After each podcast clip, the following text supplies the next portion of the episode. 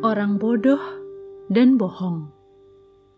Orang bodoh itu tidak lekas mengerti, tidak dapat mengerjakan, tidak memiliki pengetahuan, entah itu pendidikan atau pengalaman.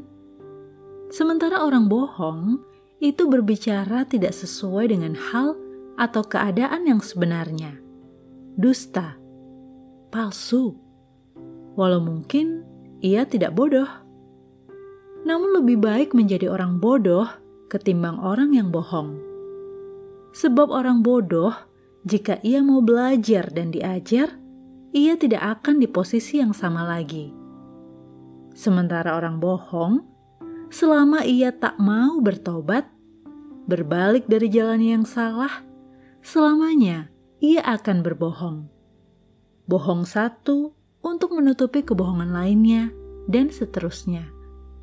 Sampai kapan? Sampai ia sadar dan mau berubah.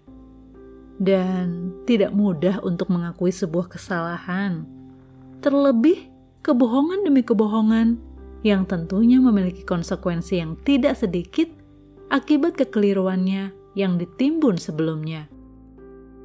Saat seseorang berbohong, ia menjadi orang yang munafik, bermuka dua, berpura-pura, suka mengatakan sesuatu yang tidak sesuai dengan perbuatannya. Bodoh itu tidak baik, namun bohong itu jahat